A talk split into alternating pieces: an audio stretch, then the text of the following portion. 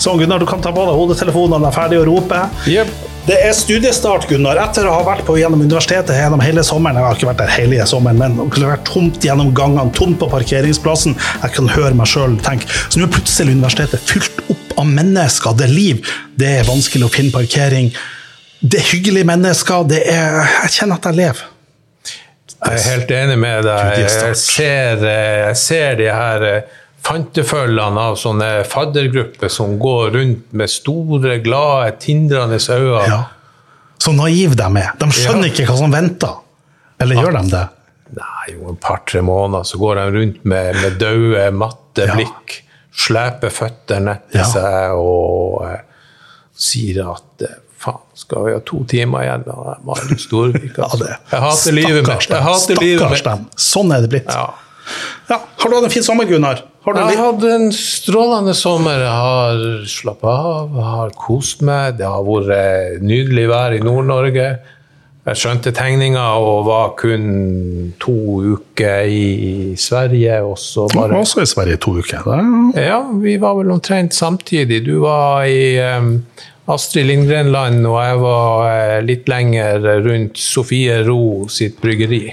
Ja, nemlig. nemlig. Jeg, jeg fikk smakt på øl også i Sverige, så det, det gikk bra. I Svenskene skal eh, ikke plages med at de ikke har godt øl og godt utvalg. Men Gunnar, har du, har du en vits til meg? Visst har jeg en vits. Yes! Jeg har en vits fra Nordland.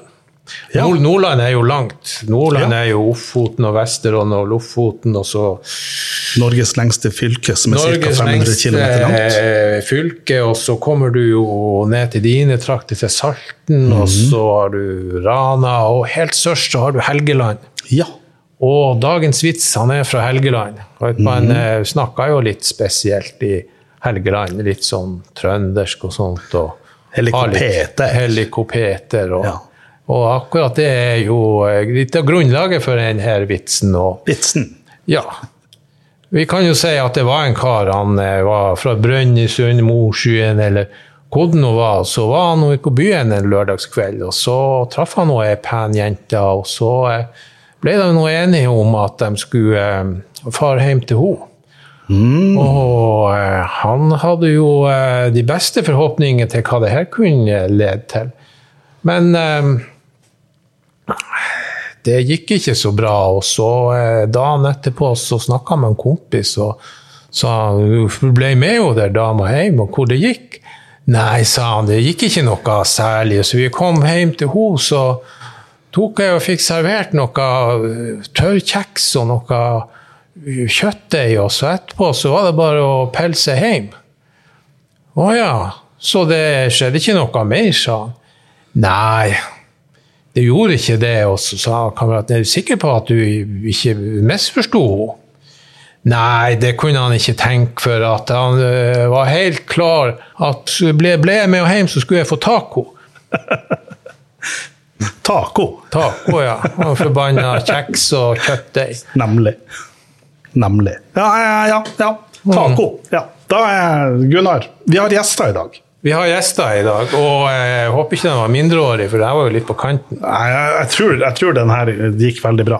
Ja. Jeg, skal, jeg skal fortelle historie om den, om den første, den, den ene av gjestene våre. Um, og, og jeg, jeg har jo ei, ei datter, og han, han første gjesten vår han har da kommet hjem til oss. Uh, og da er han da hilsa på dattera mi. Og nå er jo ikke det her en sånn shady historie rundt det også. Men, men for at hun da er jo hun ganske lita, og hun kommer liksom spørrende og sier Heia, hva heter du? Hvem er du for noen? Og så ser han på, og så sier han Jeg er sjefen. Og siden så har han blitt hetende sjefen hjemme hos oss. Ok, så det er Asker Borgermoen vi har som gjest. Nei, hvem er det vi har? Hva- Sjefen, hvem er du? Ja, jeg heter Niklas. Ja, Og det her skjedde jo sikkert når du var vet ikke, tolv Ja, eller noe vel- sånt, eller åtte, eller jeg vet ikke. Ja, det var vel i starten av åttende. Ja, nemlig. Så, jeg, så her kommer den igjen. Så når jeg så, sa til hun jenta i, i morges, så sa det at ja, vet du hva vi skal ha i studio i dag? Så sier hun nei. Så jeg vi skal ha sjefen. Å, kommer sjefen? Ja, så det, men vi har ikke bare sjefen med oss. Nei. Vi har også presidenten med oss. Dæven, her, eh, her tar det seg opp. Carl Nei, president el, le, Presidente. Hvem er du? Eh, Nei, altså jeg foretrekker Carl, og ikke presidenten. Det er dine ord. Men eh, ja, tredjeårsjusstudent her i Tromsø. Ja. Og da president i Elsa Norge Ja. dette året her. ja. Men er du her som president, eller er du her som Carl, eller er du Kanskje en blanding? Ja. ja. Ja. Altså, jeg synes det beste det er jo liksom å være sånn som det. Ja, jeg er som Carl, og jeg er også president. For da kan du si at alle de tingene du sier, det er ikke på vegne av Velsa, men det er Velsa Helsa, men på vegne av meg sjøl, liksom. Ja. Så, Og hvis jeg sier noe dumt, så kan jeg da Da kan jeg være presidenten. ja, nemlig. Ja. nemlig. Ja, Ja. Det er jo uansett bedre med Carl i studio enn Carl i hagen. Ja. Men da har vi en uten, uten et kallenavn. Hallo, Hei, hvem er du? mitt navn er Kristian, Ja. og jeg er også, sammen med Niklas, forståring. Forståring. Jussen. Yes. Ja. Ja, bra. Men um, jeg begynner jo liksom på det, på det liksom, hvordan, hvordan har det vært å liksom begynne, begynne jusstudiet? Hvordan har det vært å komme inn i korridorene og gangene her? Hvordan har de første to dagene vært? Nei, jeg må si at uh, det er litt hardt å skal komme hit. Altså, man kjenner jo ingen. Ja. Og så kommer hit megasvært bygg. Ja. Altså, du vet jo egentlig ikke hvor du er hen. Nei. Så det har jo vært hardt. Men hvor du er fra? Er du fra Rognan? eller? Fra Fauske. Fauske, ja, nemlig. Jeg bomma med tre mil. Ja, men det, det, det, det, det, det er ikke bra når altså, du er så Kommer fra, fra, fra The Salton District. Nei, nei, nei. Ja, ja det, det, ja. Men, men eh, er dere begynt med begynnerkollokviet? Ja, vi starta i dag, så som man Ja. sier det, å komme til de store byggene her og finne frem, det, det var jo i seg sjøl en liten utfordring. Men Så har dere lasta ned MaceMap på mobilen? Ja. Ja, bra! det For det har, jeg, det har jeg lest at man skal eh, anbefales. Um, Carl, hva er, har du, hva er liksom ditt aller beste triks til første uke? Eh, første uke eh, da er det å nyte fadderuken til det fulle. Eh, og prøve å følge så godt med på begynnerkollokviet som man kan, og så eh, kommer man inn i det etter hvert. altså. Når uken er, denne uken er ferdig, og de neste ukene går litt. Jeg bare lurer på, Er det en pun intended eller not pin intended når du kobler fadderuka med begrepet fulle? Eh, nytes til det fulle, ja. Ja, ja. Eh, så tolker du det dit du Ja, okay. vil. ja, lar være å tolke det noe. Ja, men Carl, du er leder jo, du er jo Il Presidente, som vi har hørt i, i en av flere, ganske mange studentorganisasjoner for jusstudenter. Og eh, det har vært interessant å vite når og på hvilken måte begynner dere å gi disse førsteårsstudentene ønska eller uønska oppmerksomhet? Eh, nei, forhåpentligvis så begynner jo lokalgruppene rundt omkring, altså Elsa Tromsø her i Tromsø, så fort som mulig. Eh, med både faglige og sosiale arrangementer. Så eh, vi skal plage de godt de første ukene og gjennom året også. Dere er er bevisst på å prøve å fange opp så, så mange som mulig og, og gjøre arrangementene sånn, sånn lavterskel, slik at ikke det her guttene tar og så går og legger seg under dyna i fosterstilling og lage noe sånn arrangement som det, det er terskel på, eller er det helt sånn rolig? Nei, Det som er fint med Elsa, er at eh, vi prøver å ha arrangementene så lavterskel som mulig, men med høy kvalitet. I motsetning til mange andre organisasjoner rundt om i Norge der hvis du skal være med på et arrangement eller en mentorordning eller en konkurranse, så er det gjerne masse krav til hvem som velges ut, og hvordan må velges ut. Ja. I hvert fall her i Elsa Tromsø. eh, og Elsa generelt så er det mer lavterskel å Ja. melde seg på og delta. Og så skal det også være høy kvalitet i selve arrangementene. Ja, men eh, hvis du blir gitt nå 30 sekunders egen reklame, hva er selve poenget med Elsa? Er det å eh, drive med fest og fjas, eller er det å prøve å gjøre eh, gode voksenpersoner ut av våre venner her? Eh, forhåpentligvis en god blanding. Men eh, fokuset er nok mest på det faglige, med både manuksjoner, forelesninger, eh, foredrag. Også konkurranser i forhandlingsteknikk og prosedyreteknikk og skrivekonkurranser. Selvfølgelig også sosiale arrangementer som kanonballturnering eller, eller den type ting. Så vi har en god blanding, men hovedfokus er mest på det faglige. Det høres eh, Men- bra ut. Til våre to nye ferske jusstudenter, så lurer jeg på hva er grunnen til at dere begynte å studere juss? Liksom? Hva er det hva dere vet om jusstudiet, og hva er, liksom, hva er liksom drømmen? Er det, er det dere tenker at ja, jeg gleder meg til å liksom tilbringe fem år på å liksom lese de her bøkene, eller er det liksom en gulrot i andre enden? Hva er, hva er liksom forventningene og forhåpningene? Nå har jeg brukt lang tid på å stille spørsmål, så dere skulle få tid til å tenke, men nå er jeg ferdig å stille spørsmålet. Og vær så god. Ja, sjefen kan vel egentlig kickstarte. Ja, ok. Nei, jeg tenker nå som så at det er jo en ganske allsidig utdanning. Altså, når jeg er ferdig, så har jeg flere områder jeg kan gå til. eh, og jeg er ikke fastlåst, selv om det liksom er et sånn hva det kalles profesjonsstudie. Så har jeg fortsatt mulighetene åpne. Og så er det vel Man går vel de fleste ofte rett ut i jobb når man er ferdig utdannet. Så det er jo fint. Men hvilken jobb er det du har lyst på? Ja, det er jeg litt usikker på per nå, men eh, jeg fikk jo litt Det frister jo litt med kanskje innenfor politiet eller Forsvaret, da. Som etter førstegangstjenesten. Ja, nemlig. Ja, for du var militærpoliti. Ja. Ja. Så det er liksom det du Oppfølgingen sånt ut av det? Det. ja, altså Etterforskning og alt med på det juridiske, men òg altså selve etterforskningsstegene og sånn, har jo vært veldig interessant i løpet av det året der. Så jeg ser jo for meg at det kan være en interessant fortsettelse, fortsettelse på. Enn du, enn du, Christian? Nei, For min del så er det jo mye av det samme. Jeg har ikke vært militærpoliti da, men eh, Og så har det vært sånn at eh, helt siden egentlig ungdomsskolen og barneskolen så har jeg aldri likt realfagene, matte og alt det der. Det har ikke vært helt min, eh, min stil, så det ble litt naturlig egentlig et sånn her løp for min del. Og så hadde jeg jo rettslære på videregående, så hjelper meg til å bestemme at det er denne veien jeg hadde lyst til å gå.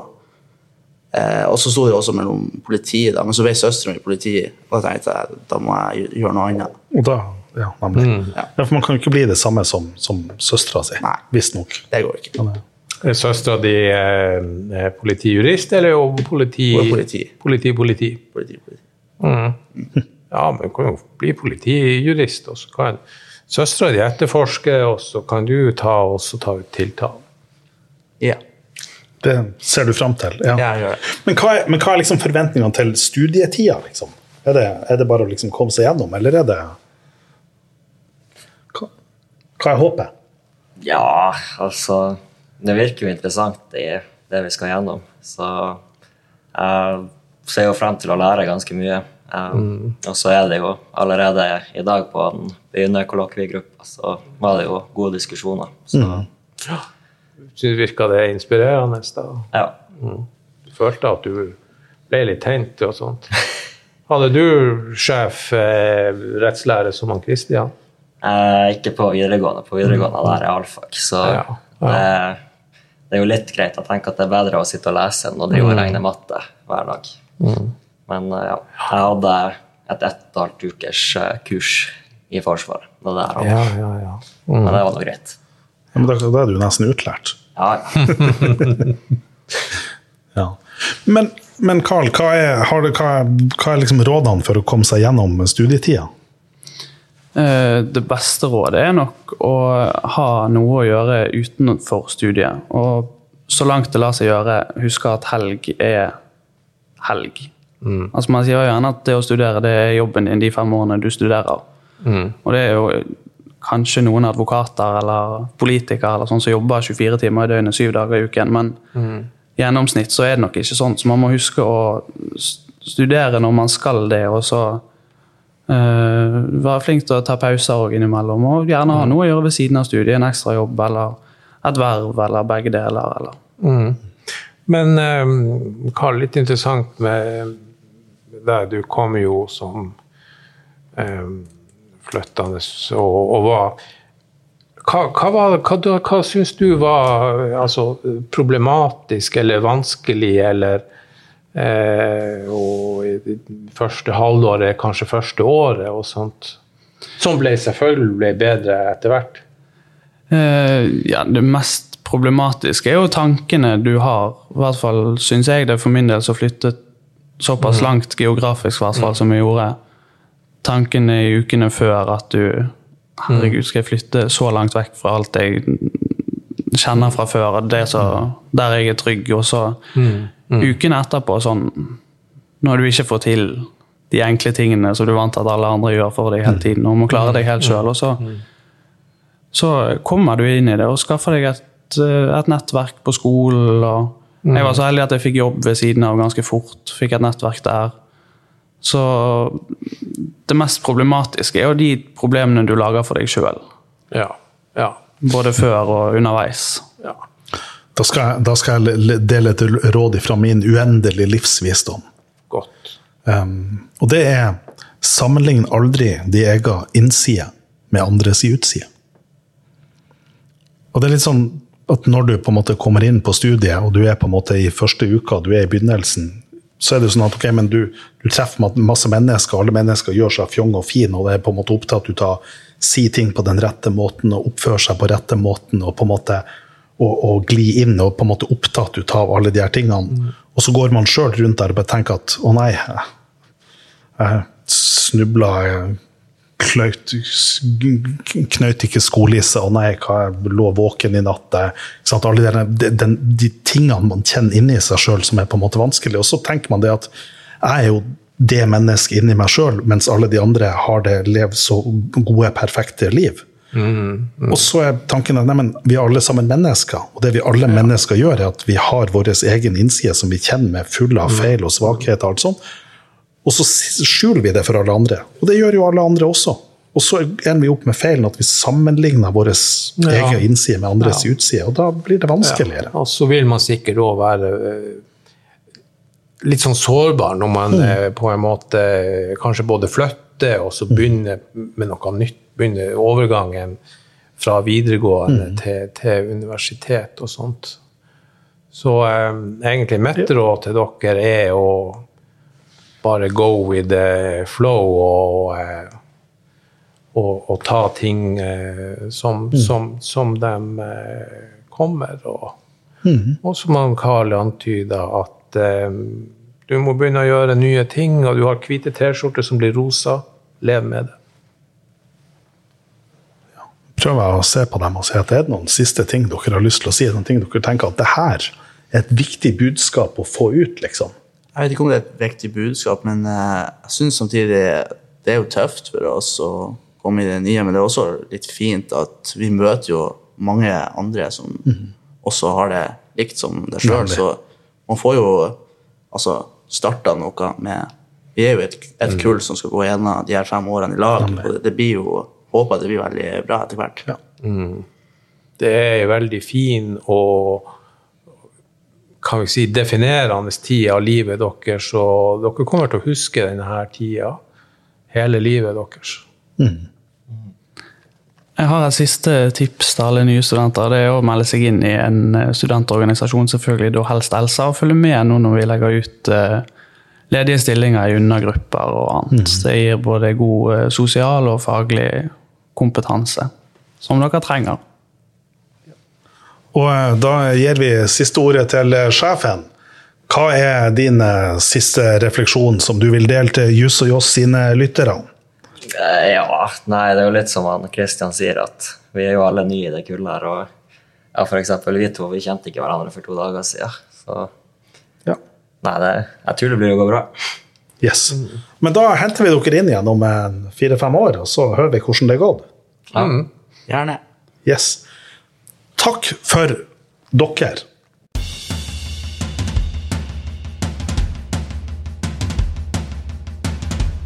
Men da, da Gunnar, er du klar til å dra tilbake på, til, til seilskutetida?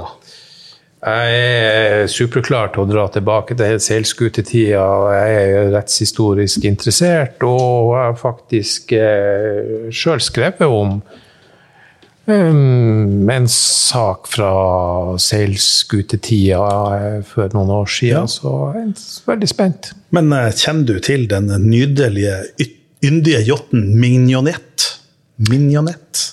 Uh, Nei, i min sak så var det en uh, fullrigger som uh, het Haugesund. Uh, men yachten Minionett, den har jeg ikke hørt om. Men uh, flott navn. Ja. Nei, fordi at du, du har jo på en måte fortalt i en tidligere Jussios-episode en sånn rettshistorisk sak fra seilskutetida, og så tenkte jeg ja, jeg tenkte jeg skulle plukke opp denne ballen. Så året er 1884. Millionett er en yndig yacht bygd i 1867 og skulle seile fra Southampton til Sydney. Og Det var riktignok en kystbåt og ikke beregna for lange sjøreiser, men det hindra ikke Jack Want, en australsk advokat, fra å kjøpe den for fornøyelsens skyld. Og skipsføreren det var en kaptein Tom Dudley, og med seg så hadde han Edvin Stevens, Edmund Brooks og den 17 år gamle kabingutten Richard Parker. Og Parker han var en uerfaren sjømann, men han var en ivrig sjel om bord. Så, den 5. juli, midt i en storm, rundt 1600 miles nordvest for Godthavn så ble han truffet en enorm bølge som sender Minionett til havets bunn i løpet av fem minutter. De fire mennene klarte å flykte i en 13 fots livbåt, og 13 fot, Gunnar, hvor mye er det? Det er ikke mye. Nei, du må vel dele det på tre, så får du antall meter. Ja, så vi er da på 13 delt på 3 og 4 meter, da. Ja. Ja, så omtrent. Eh, Så der er de da, de karene i den fire meter lange livbåten, og med seg har de få navigasjonsinstrumenter, to bokser med turnips, og uten en dråpe ferskvann. Um, I de første døgnene, timene på livbåten, så kjemper de mot hai med årene, men dagene går, og ressursene minker, ei sjøskilpadde blir fanga, men vannreservoarene er tømt, de forsøker å drikke sin egen urin i desperasjon, Parker blir alvorlig syk, sannsynligvis etter å ha drukket sjøvann, og etter hvert så kommer de i den desperate situasjonen om det umulige. Skal de drepe en av dem for å kunne overleve? Jeg tror jeg begynner å dra kjensel på denne historien. Ja. Altså, det er en historie som ikke har noe RT-henvisning. Det er helt riktig. Og Diskusjonene var preget av fortvilelse, sult, håpløshet, og 24. juli, med Parker sannsynligvis i koma, diskuterte Dudley og Stevens muligheten for å ta livet av ham. Argumentet Parker vil mest sannsynligvis dø, og ved å drepe han vil de få blod å drikke. Dagen etter, i handling desperasjon, presser Dudley sin pennkniv inn i Parkers strupe, og de tre mennene eh, fortærte kroppen hans for å overleve. Men redninga var nært forestående. Den 29. juli så de speil seile i horisonten. De ble redda av tysk skip Montezuma og returnerte til Falmouth i England. Og, og da de ankom, ble de umiddelbart arrestert etter å ha forklart hva som hadde skjedd på havet. De trodde de var beskytta av havets sedvane, men saken vekte oppsikt og ble raskt et juridisk og etisk dilemma. Ja, skal vi eh, gå inn på jussen da, eller? Jeg syns eh, absolutt at her eh, må jussen på bordet, og havets sedvaner eh, nevner du som en slags normativ liten godbit. Jeg er usikker på hvor de sedvanene er er å, er å finne, men altså, det er jo et nødrettsaspekt her.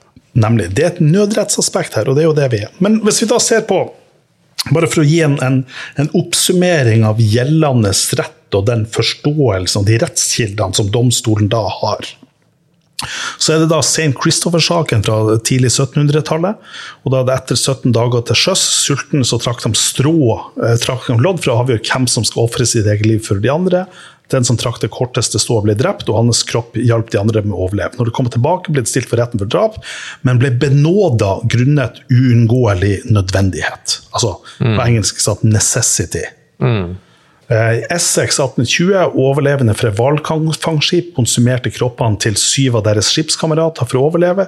Men her var det både, både de, de som døde av sult og eksponering, samt en som ble skutt etter å ha tapt et lotteri om hvem som skulle dø. Så her har man på en måte tatt livet ut av det. Så det var på en måte en praksis. I Holmes i, i USA i 1841, et skip sank etter å ha truffet et isfjell. Overlevende i en overfylt livbåt kasta ut flere passasjerer over bord fordi de frykta båten skulle synke. En av sjømennene ble arrestert og dømt for drap, men ble senere benåda.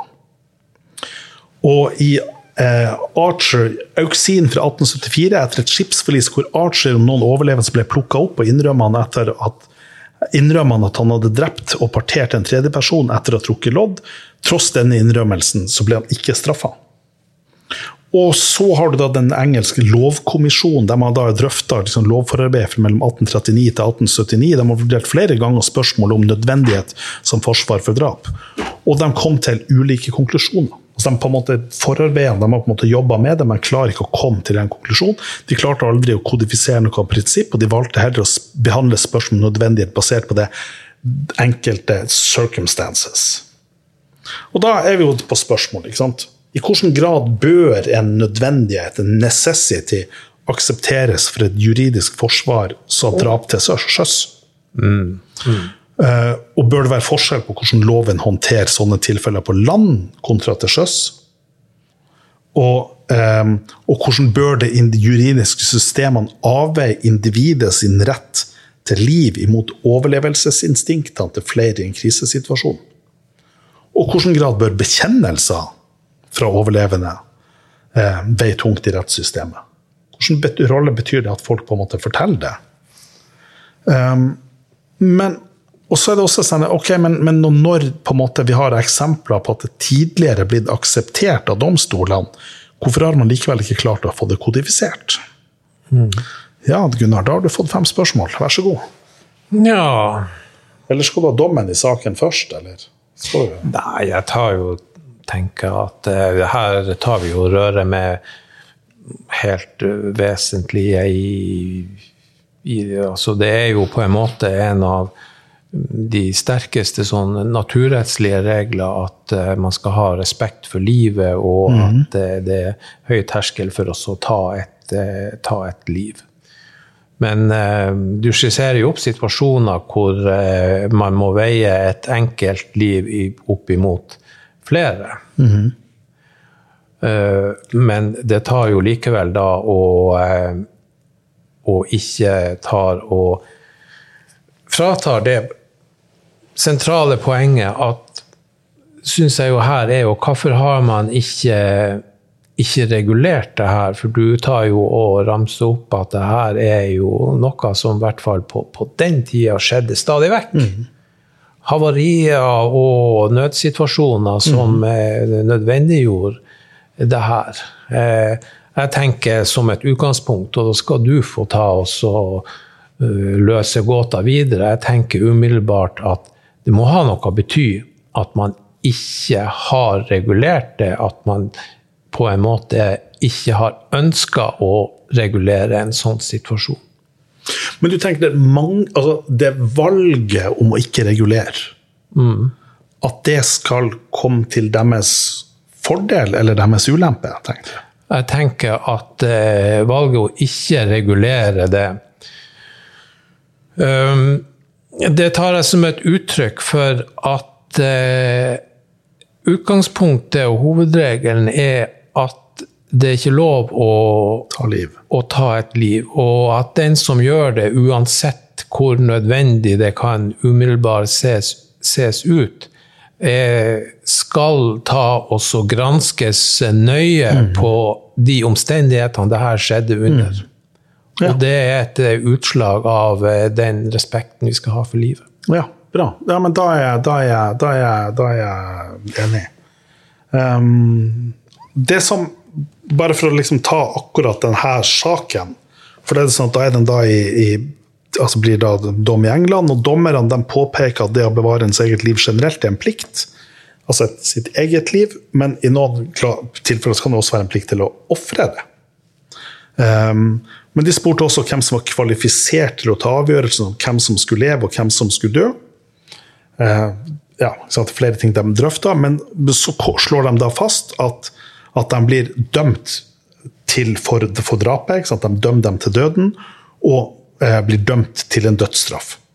Fordi at når man har tatt et liv, så var konsekvensen i det britiske rettssystemet den tida en dødsstraff.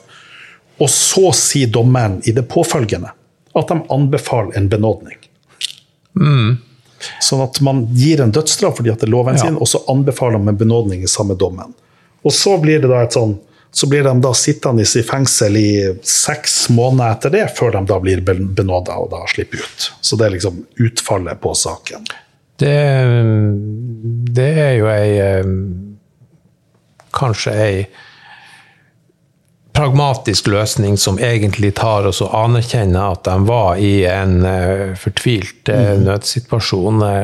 Teknisk juridisk så tenker jeg jo å spørre deg om det i den saken ble gjort noe forskjell på at det var én av disse individene som faktisk utførte drapshandlinga, eller om det ble ansett som en kollektiv drapshandling? Det har jeg ikke Det kan jeg ikke svare på. Det vet jeg ikke. Men men det, men det jeg syns, er, er liksom det prinsipielle spørsmålet, det systematiske For altså jeg, altså jeg, er enig med deg i dine, i dine refleksjoner. Mm. Jeg er enig med deg i de, refleksjonene, og jeg tenker Gunnar, at som alltid så er det, det kloke ting du sier. Mm. Um, men, så, men, så, er det som jeg på en måte tenker på men, Her har du, du har en drapshandling, og, og drapshandlinga har veldig gode grunner for seg. Og, og hvordan skal vi forholde oss til det? Og da tenker jeg Rent prinsipielt så kan vi på en måte gjøre det på to måter. Den ene måten er at vi på en måte sier, sånn som i det norske straffesystemet, så vil du da si at nei, her er det sånn at for å bli dømt til en straff, så er det et vilkår at straffbarhetsvilkårene er oppfylt, og et av straffbarhetsvilkårene er at det ikke finnes en straffrihetsgrunn. Så det man da vil gjøre i Norge, er at man vil si at okay, her er på en måte gjerningsbeskrivelsen i straffebudet oppfylt, og så vil man si at straffelovens paragraf 17 eller paragraf 18, men her vil det være straffelovens paragraf 17 om nødrett, at den vil på en måte slå til. Og så vil man si at denne straffrihetsgrunnen gjør at altså straffen vil bortfalle. Og da er formuleringa i straffelovens paragraf 17 er at, er at en handling blir lovlig. Mm. Men så lurer jeg på, men eksempel, straffelovens paragraf 17 sier at den blir lovlig. Hva betyr det? Betyr det at den er rimelig? Betyr det at den er at man på en måte har en plikt til det, eller betyr det at den bare blir straffri? Altså, hva er på en måte, hva måte rettsvirkninga ut av det? Og Hvis vi da tar denne dommen her, i denne saken, så er det dommen, domstolen gjør, det at de sier at ja, han skal dømmes til straff, han skal ha dødsstraffen, men vi anbefaler en benådning. Mm. Og da mm. tenker jeg at For meg som minner liksom den rettsvirkninga her altså Da sier man at gjerningsbeskrivelsen er oppfylt, han skal på en måte straffes. Mm. Eh, men vi mener at vilkårene for en nødrett oppfyller. Vi mener at straffen likevel skal bortfalle. Ja, jeg, jeg tror jo eh, Altså, det må jo bli ei rettsvirkning på en måte. For hvis man tar og slutter litt for kjapt her og så sier at ja, hvis noe er nødvendig, så er behandlinga lovlig. Så derfor er jo veien kort til en rettsregel. Nemlig. At eh, du kan si ja, sånn og sånn ble resultatet der, var nødt til å gjøre det, dermed er det lovlig. Altså, da er det en rettsregel som sier du havner du i nød på havet, så er det bare vær så god, ta og kverk den svakeste. Nemlig. Spis han opp. Nemlig. Og eh, det tror jeg egentlig at eh, at en sånn, hva vi si, eh, rettsoppfatning eller rettsregel har man ikke ønska skal feste seg. Nemlig. Man har ønska at det her skal være en svært høy terskel. Det skal være ei handling som kun er tillatelig og kan frita for straff i den ytterste nød. Nemlig. Og det som er det spørsmålet som jeg har lurt deg ut på nå, Gunnar mm, Ja, var redd for noe sånt. Fordi at, fordi at sant, Det som på en måte er spørsmålet her, det er på en måte sammenhengen mellom Vi har en samfunnsnorm. Altså Normen er du skal ikke ta liv.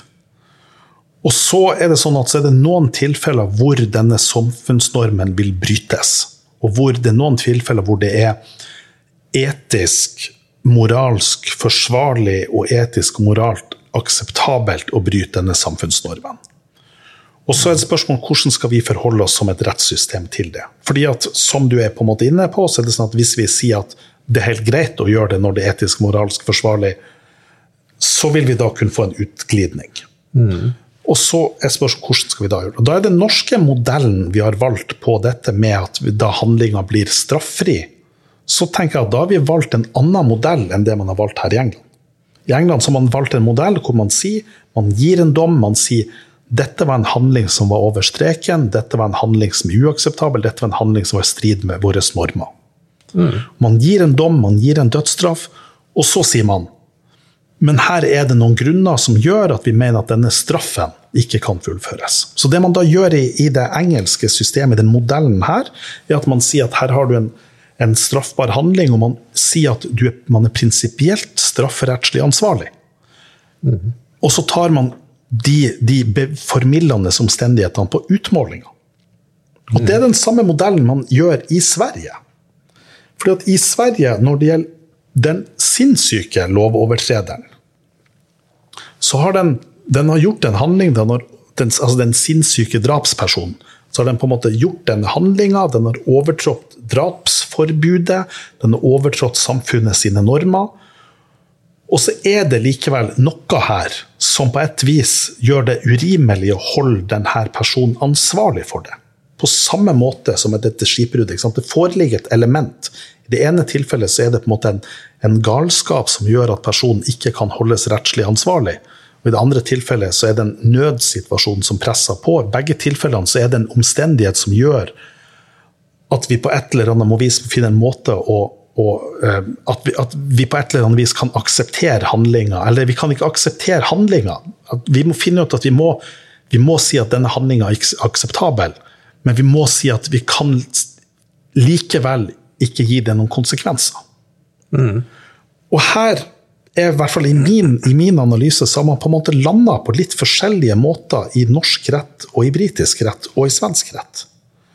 Og, og hvor i min, i min analyse så har man på en måte i den norske regelen har du landa på en modell hvor det på en måte er vanskelig å på en måte ta en utglidning. Fordi I den norske modellen så vil det være sånn at hvis jeg hadde gjort, altså hvis denne båten da hadde kommet, hvis dette hadde skjedd i Norge i dag, og på en måte det hadde kommet inn og blitt en vurdering av nødrett, nødverge, så ville på en måte politijuristen, statsadvokaten, riksadvokaten på en måte foretatt en vurdering av er det sånn at, at jeg på en måte si kan vi bevise at det skjedde drap, ja vi kan bevise at det skjedde drap, så vil de vurdering. Er det sånn at vilkårene for nødrett gjør at denne drapshandlinga likevel ikke kan straffes. Og så Hvis de da finner ut at vilkårene ikke vil være oppfylt, altså vilkårene er oppfylt, den kan ikke straffes, så skal da politiet da ikke reise den saken for retten. Og Dermed så vil du aldri få en dom på dette. Det vil da på en måte bli et, et underordna forhold. Mens i det, i det svenske systemet og i det britiske systemet, sånn som det har vært presentert her, så vil du da få saken for retten. Og du vil få en dom hvor du vil få en ansvarliggjøring hvor du sier at den handlinga som er gjort, det er en straffbar handling, dette er en uakseptabel handling i henhold til våre normer. Men av så eh, vil vi på en måte ta ned straffeutmålinga. Du blir benådet at du må sone seks måneder i fengsel istedenfor en dødsstraff. Ja, ja. Det er jo en veldig interessant utredning. Eh, Det her har jo eh, mm, tenker i hvert fall i, i, i mitt eh, lille hode to aspekter. Og, og det er jo for det første det straffeprosessuelle. At man eh, har ulike prosessuelle løsninger for hvordan man skal behandle slike eh, hva man kan si, særtilfeller eh, av handlinger som er i utgangspunktet straffbare. Men kanskje det som er også interessant, det, går jo på det her allmennpreventive. At eh, hvordan tar eh, altså offentligheten, folket, den alminnelige rettsfølelse, og reagere på hvordan disse sakene tar og, og behandles. Og jeg tror nok eh, i mange land så tar man og, og vurderer det slik at det er forventa at det skal reises en sak som gransker alle sider med det. Mens man kanskje i andre rettskulturer igjen tar og sier at her er det tilstander som ikke trenger oss å eh, brettes ut i en eh, full sak, men som kan tas og vurderes eh, som mer som vi kaller prejudisielt. Nemlig. Nemlig. Ja, og det er klart, og i, det norske, og i det norske systemet så har du jo også muligheter. Liksom, for du har på en måte Altså, du har på en måte hva det er påtaleunnlatelse, og det er på en måte også muligheter. Altså, domstolen har jo et visst rom Ja. med ulike mekanismer dersom på en måte saken kommer opp for, for domstolen. Sånn at, sånn at det, er på en måte ikke, det er ikke låst på det ene eller det andre sporet. Men, men for meg så er det liksom en litt sånn her prinsipiell spørsmål. Liksom, ok, men hvordan, hvordan skal vi på en måte tenke rundt der? Fordi at det henger, det henger også sammen med når da f.eks. For forvaltninga påberoper seg nødrett. Fordi at i sånn som det da er eksisterer i, Norge i dag, så skjer det at forvaltninga påberoper seg nødrett. Og da er da den praksisen rundt det at det er noe som da ikke vil løftes opp. Det vil på en måte, Så lenge som det ikke er en politianmeldelse, hvis politiet finner ut at her er vilkårene for nødrett oppfylt, så vil det på en måte aldri skje noe. Dermed så er det sånn at den, når forvaltninga gjør det, så vil du heller ikke få en rettsavklaring på det. Og da blir problemstillinga som du da peker på, er at vi ikke får en granskning av det, og vi får ikke en rettsavklaring, og det vil på en måte kunne bli en utglidning av det. Det var mine tanker rundt dette. Ja, absolutt. Gode og fornuftige tanker. Det her er, det her er vanskelige problemstillinger som, som reiser ikke bare rene strafferettslige, men altså eh, tunge etiske og, og, og moralske eh, problemstillinger. Og, og det har også, for deg som jo eh, i disse dagene underviser i rettssosiologi, så har det jo det også eh, mye også å si på altså, forholdet mellom retten og, samfunnet. Ja, det har det.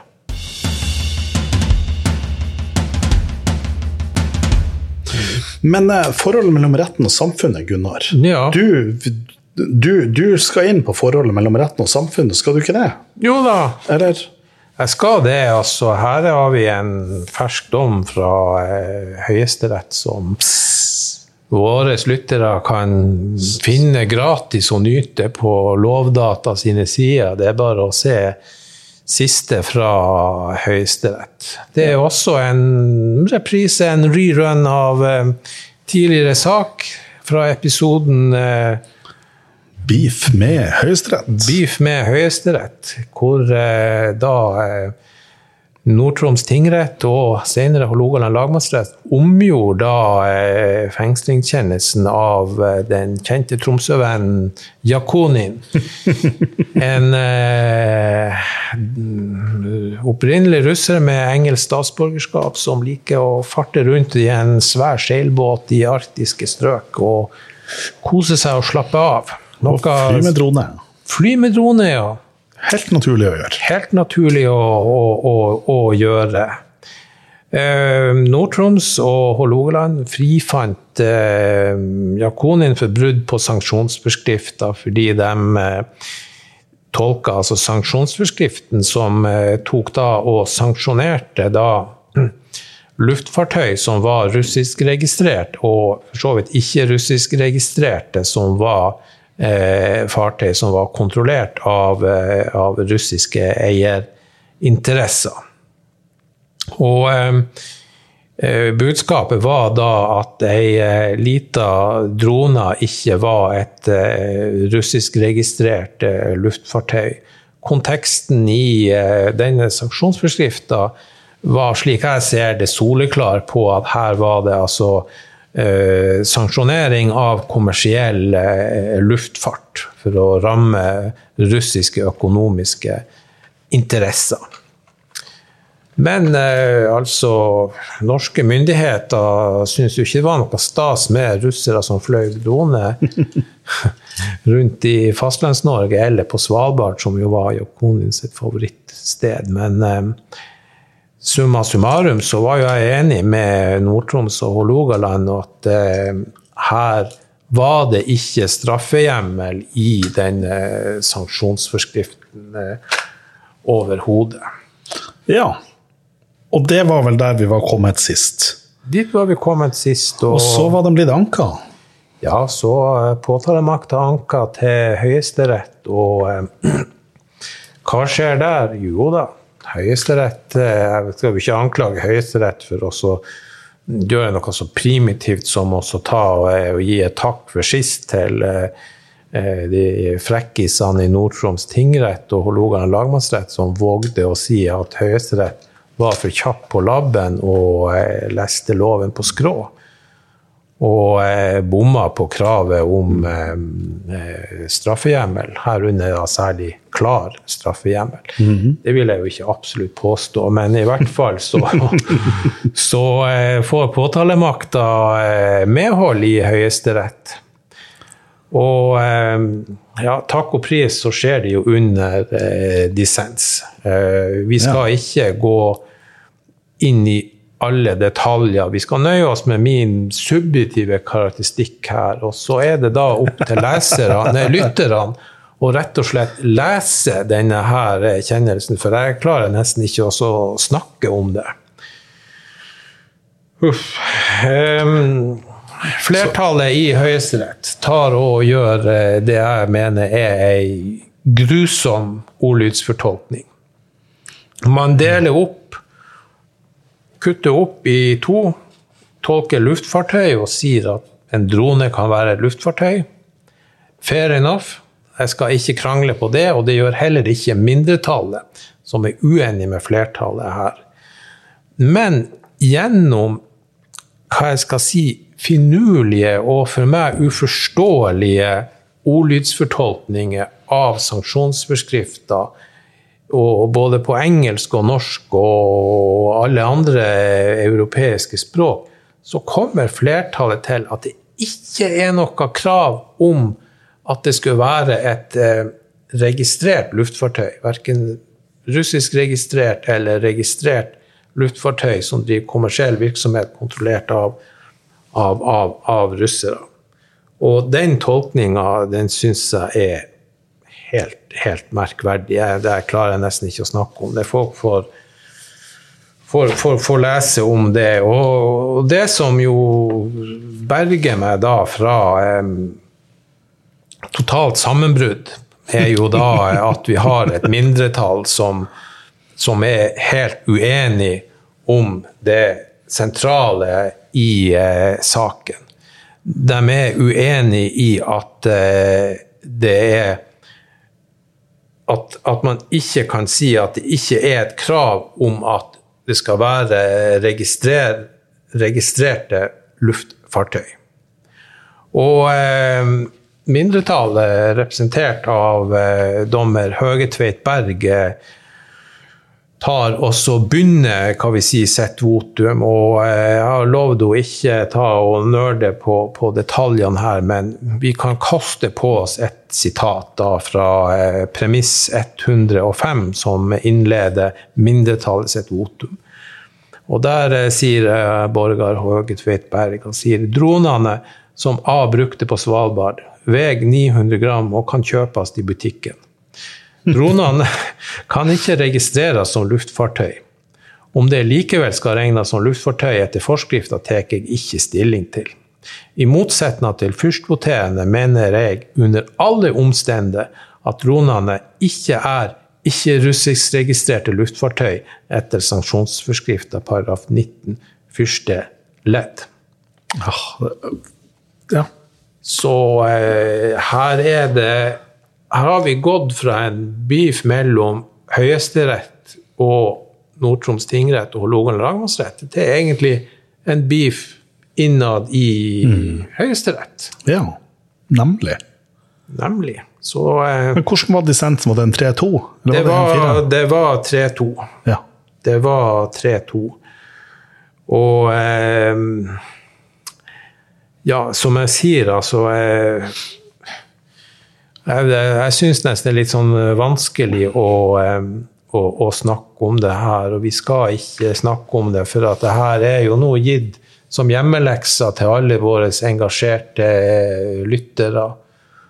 Og jeg har jo, jeg har jo også gitt beskjed til, til eks-FAC-lærerne at denne avgjørelsen det må jo brukes på eh, sjefen og han Christian på førsteårsstudentene. De må jo ta og, og, og, og rett og slett eh, bruke denne mm. dommen i, i, i, altså i pedagogisk eh, mm. sammenheng. Men mitt siste pip om det her, det er jo at jeg er sjokkert over hvordan man tar og butcher på ordlyden og tar og trekker den helt ut av konteksten. Og ender opp i en ren semantisk lek med, med ord. Jeg, er- jeg, er- jeg, jeg er sjokkert over, eh, over, over det her.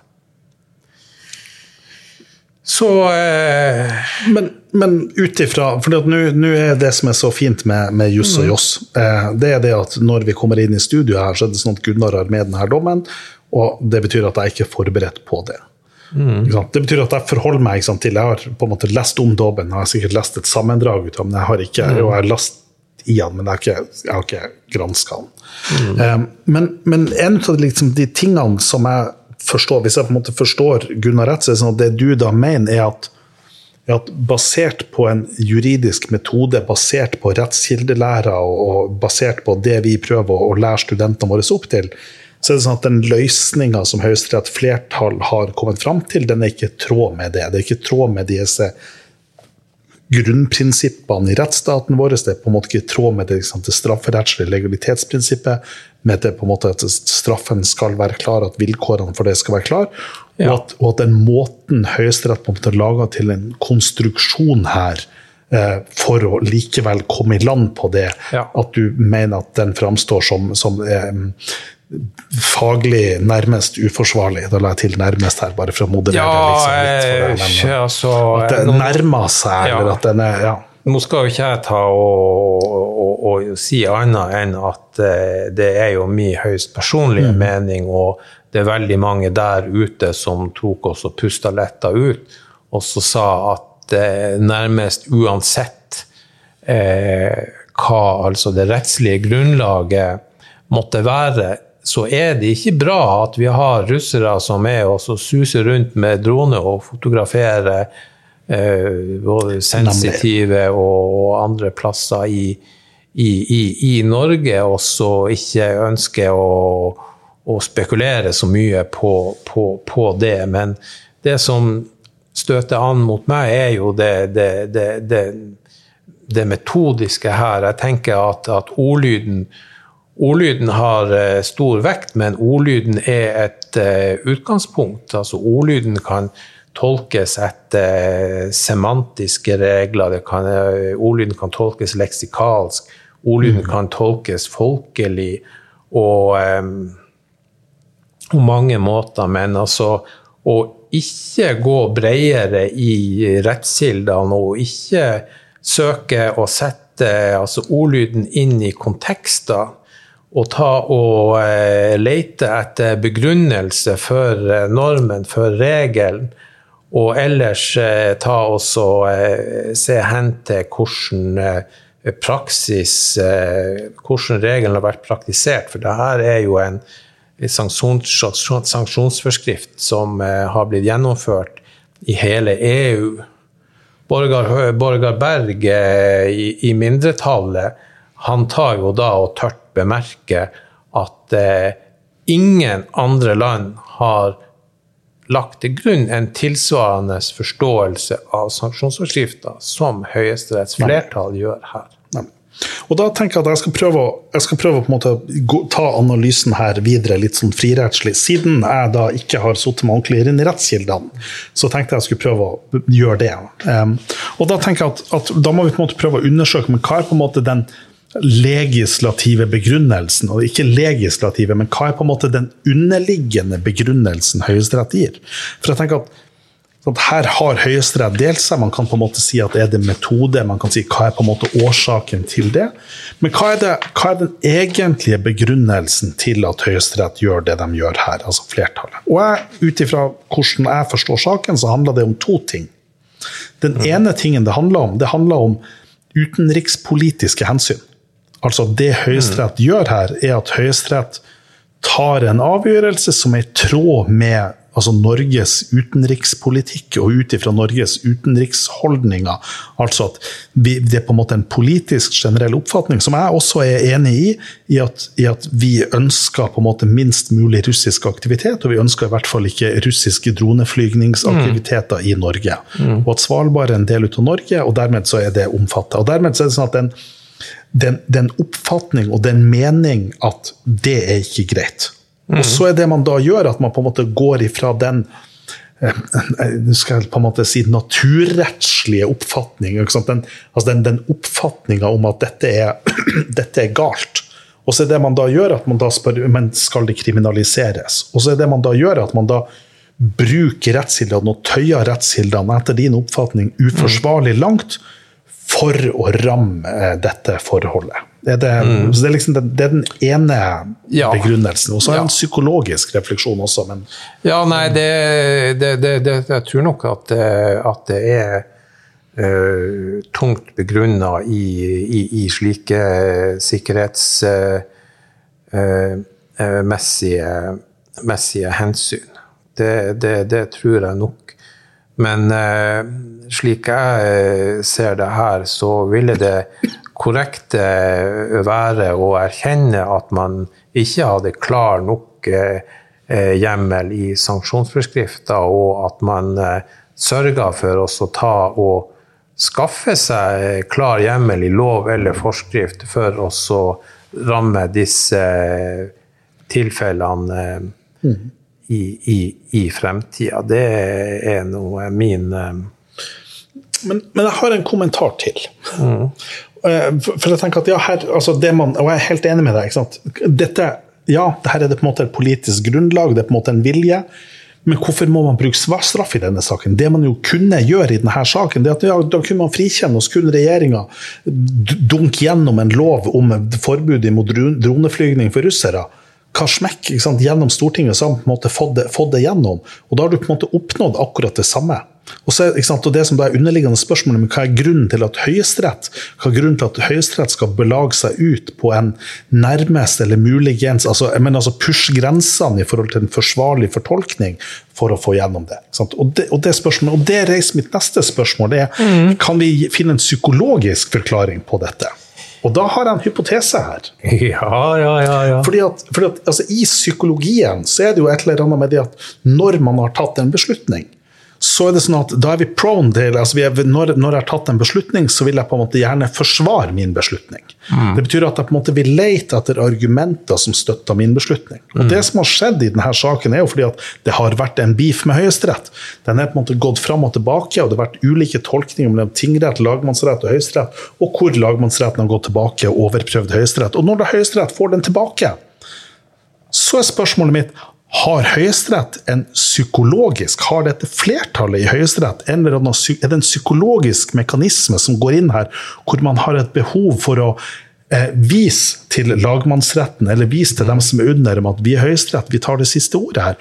Og, og dermed går inn og gjør den her for å forsvare Høyesteretts ankeutvalg beslutning i siste runde. At dette ligger inne som en underliggende psykologisk mekanisme her basert på psykologien og basert på mm. forskninga, så vil man på en måte man på en måte kommer inn i et forsvarsposisjon hvor man på en måte vil beslutt, altså forsvare sine egne beslutninger, og man vil forsvare sine kollegaer sine beslutninger. Mm. Jeg tenker, Hvis du på en måte legger dette inn som en tilleggstankegang, i tillegg til denne, denne, på en måte den politiske oppfatninga eh, som vi på en måte allerede har diskutert, så tenker jeg da, da mm. begynner vi på en måte å får lagt inn noen elementer her.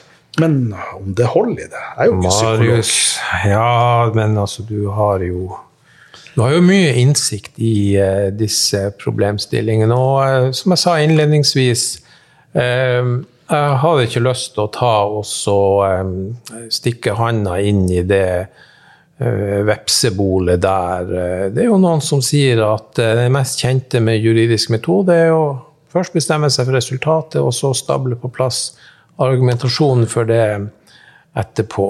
Men eh, det tar jo på en måte å bli påminnet hver dag når jeg ser over gangen på døra di, så har du jo eh, det store idealet for oss jurister, den blinde fru, fru Justitia som står med vekta og så, og så veier argumentene og kildene mot hverandre uten noen form for eh, ytre påvirkning eller eh, agenda eh, som eh, måtte være skjult for omverdenen.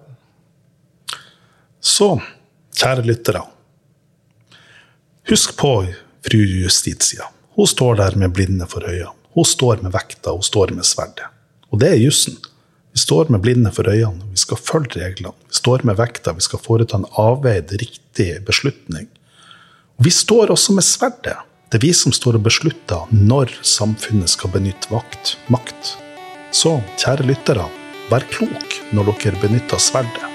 Vær lytt til vekta. Pass på å ha blinde på øynene.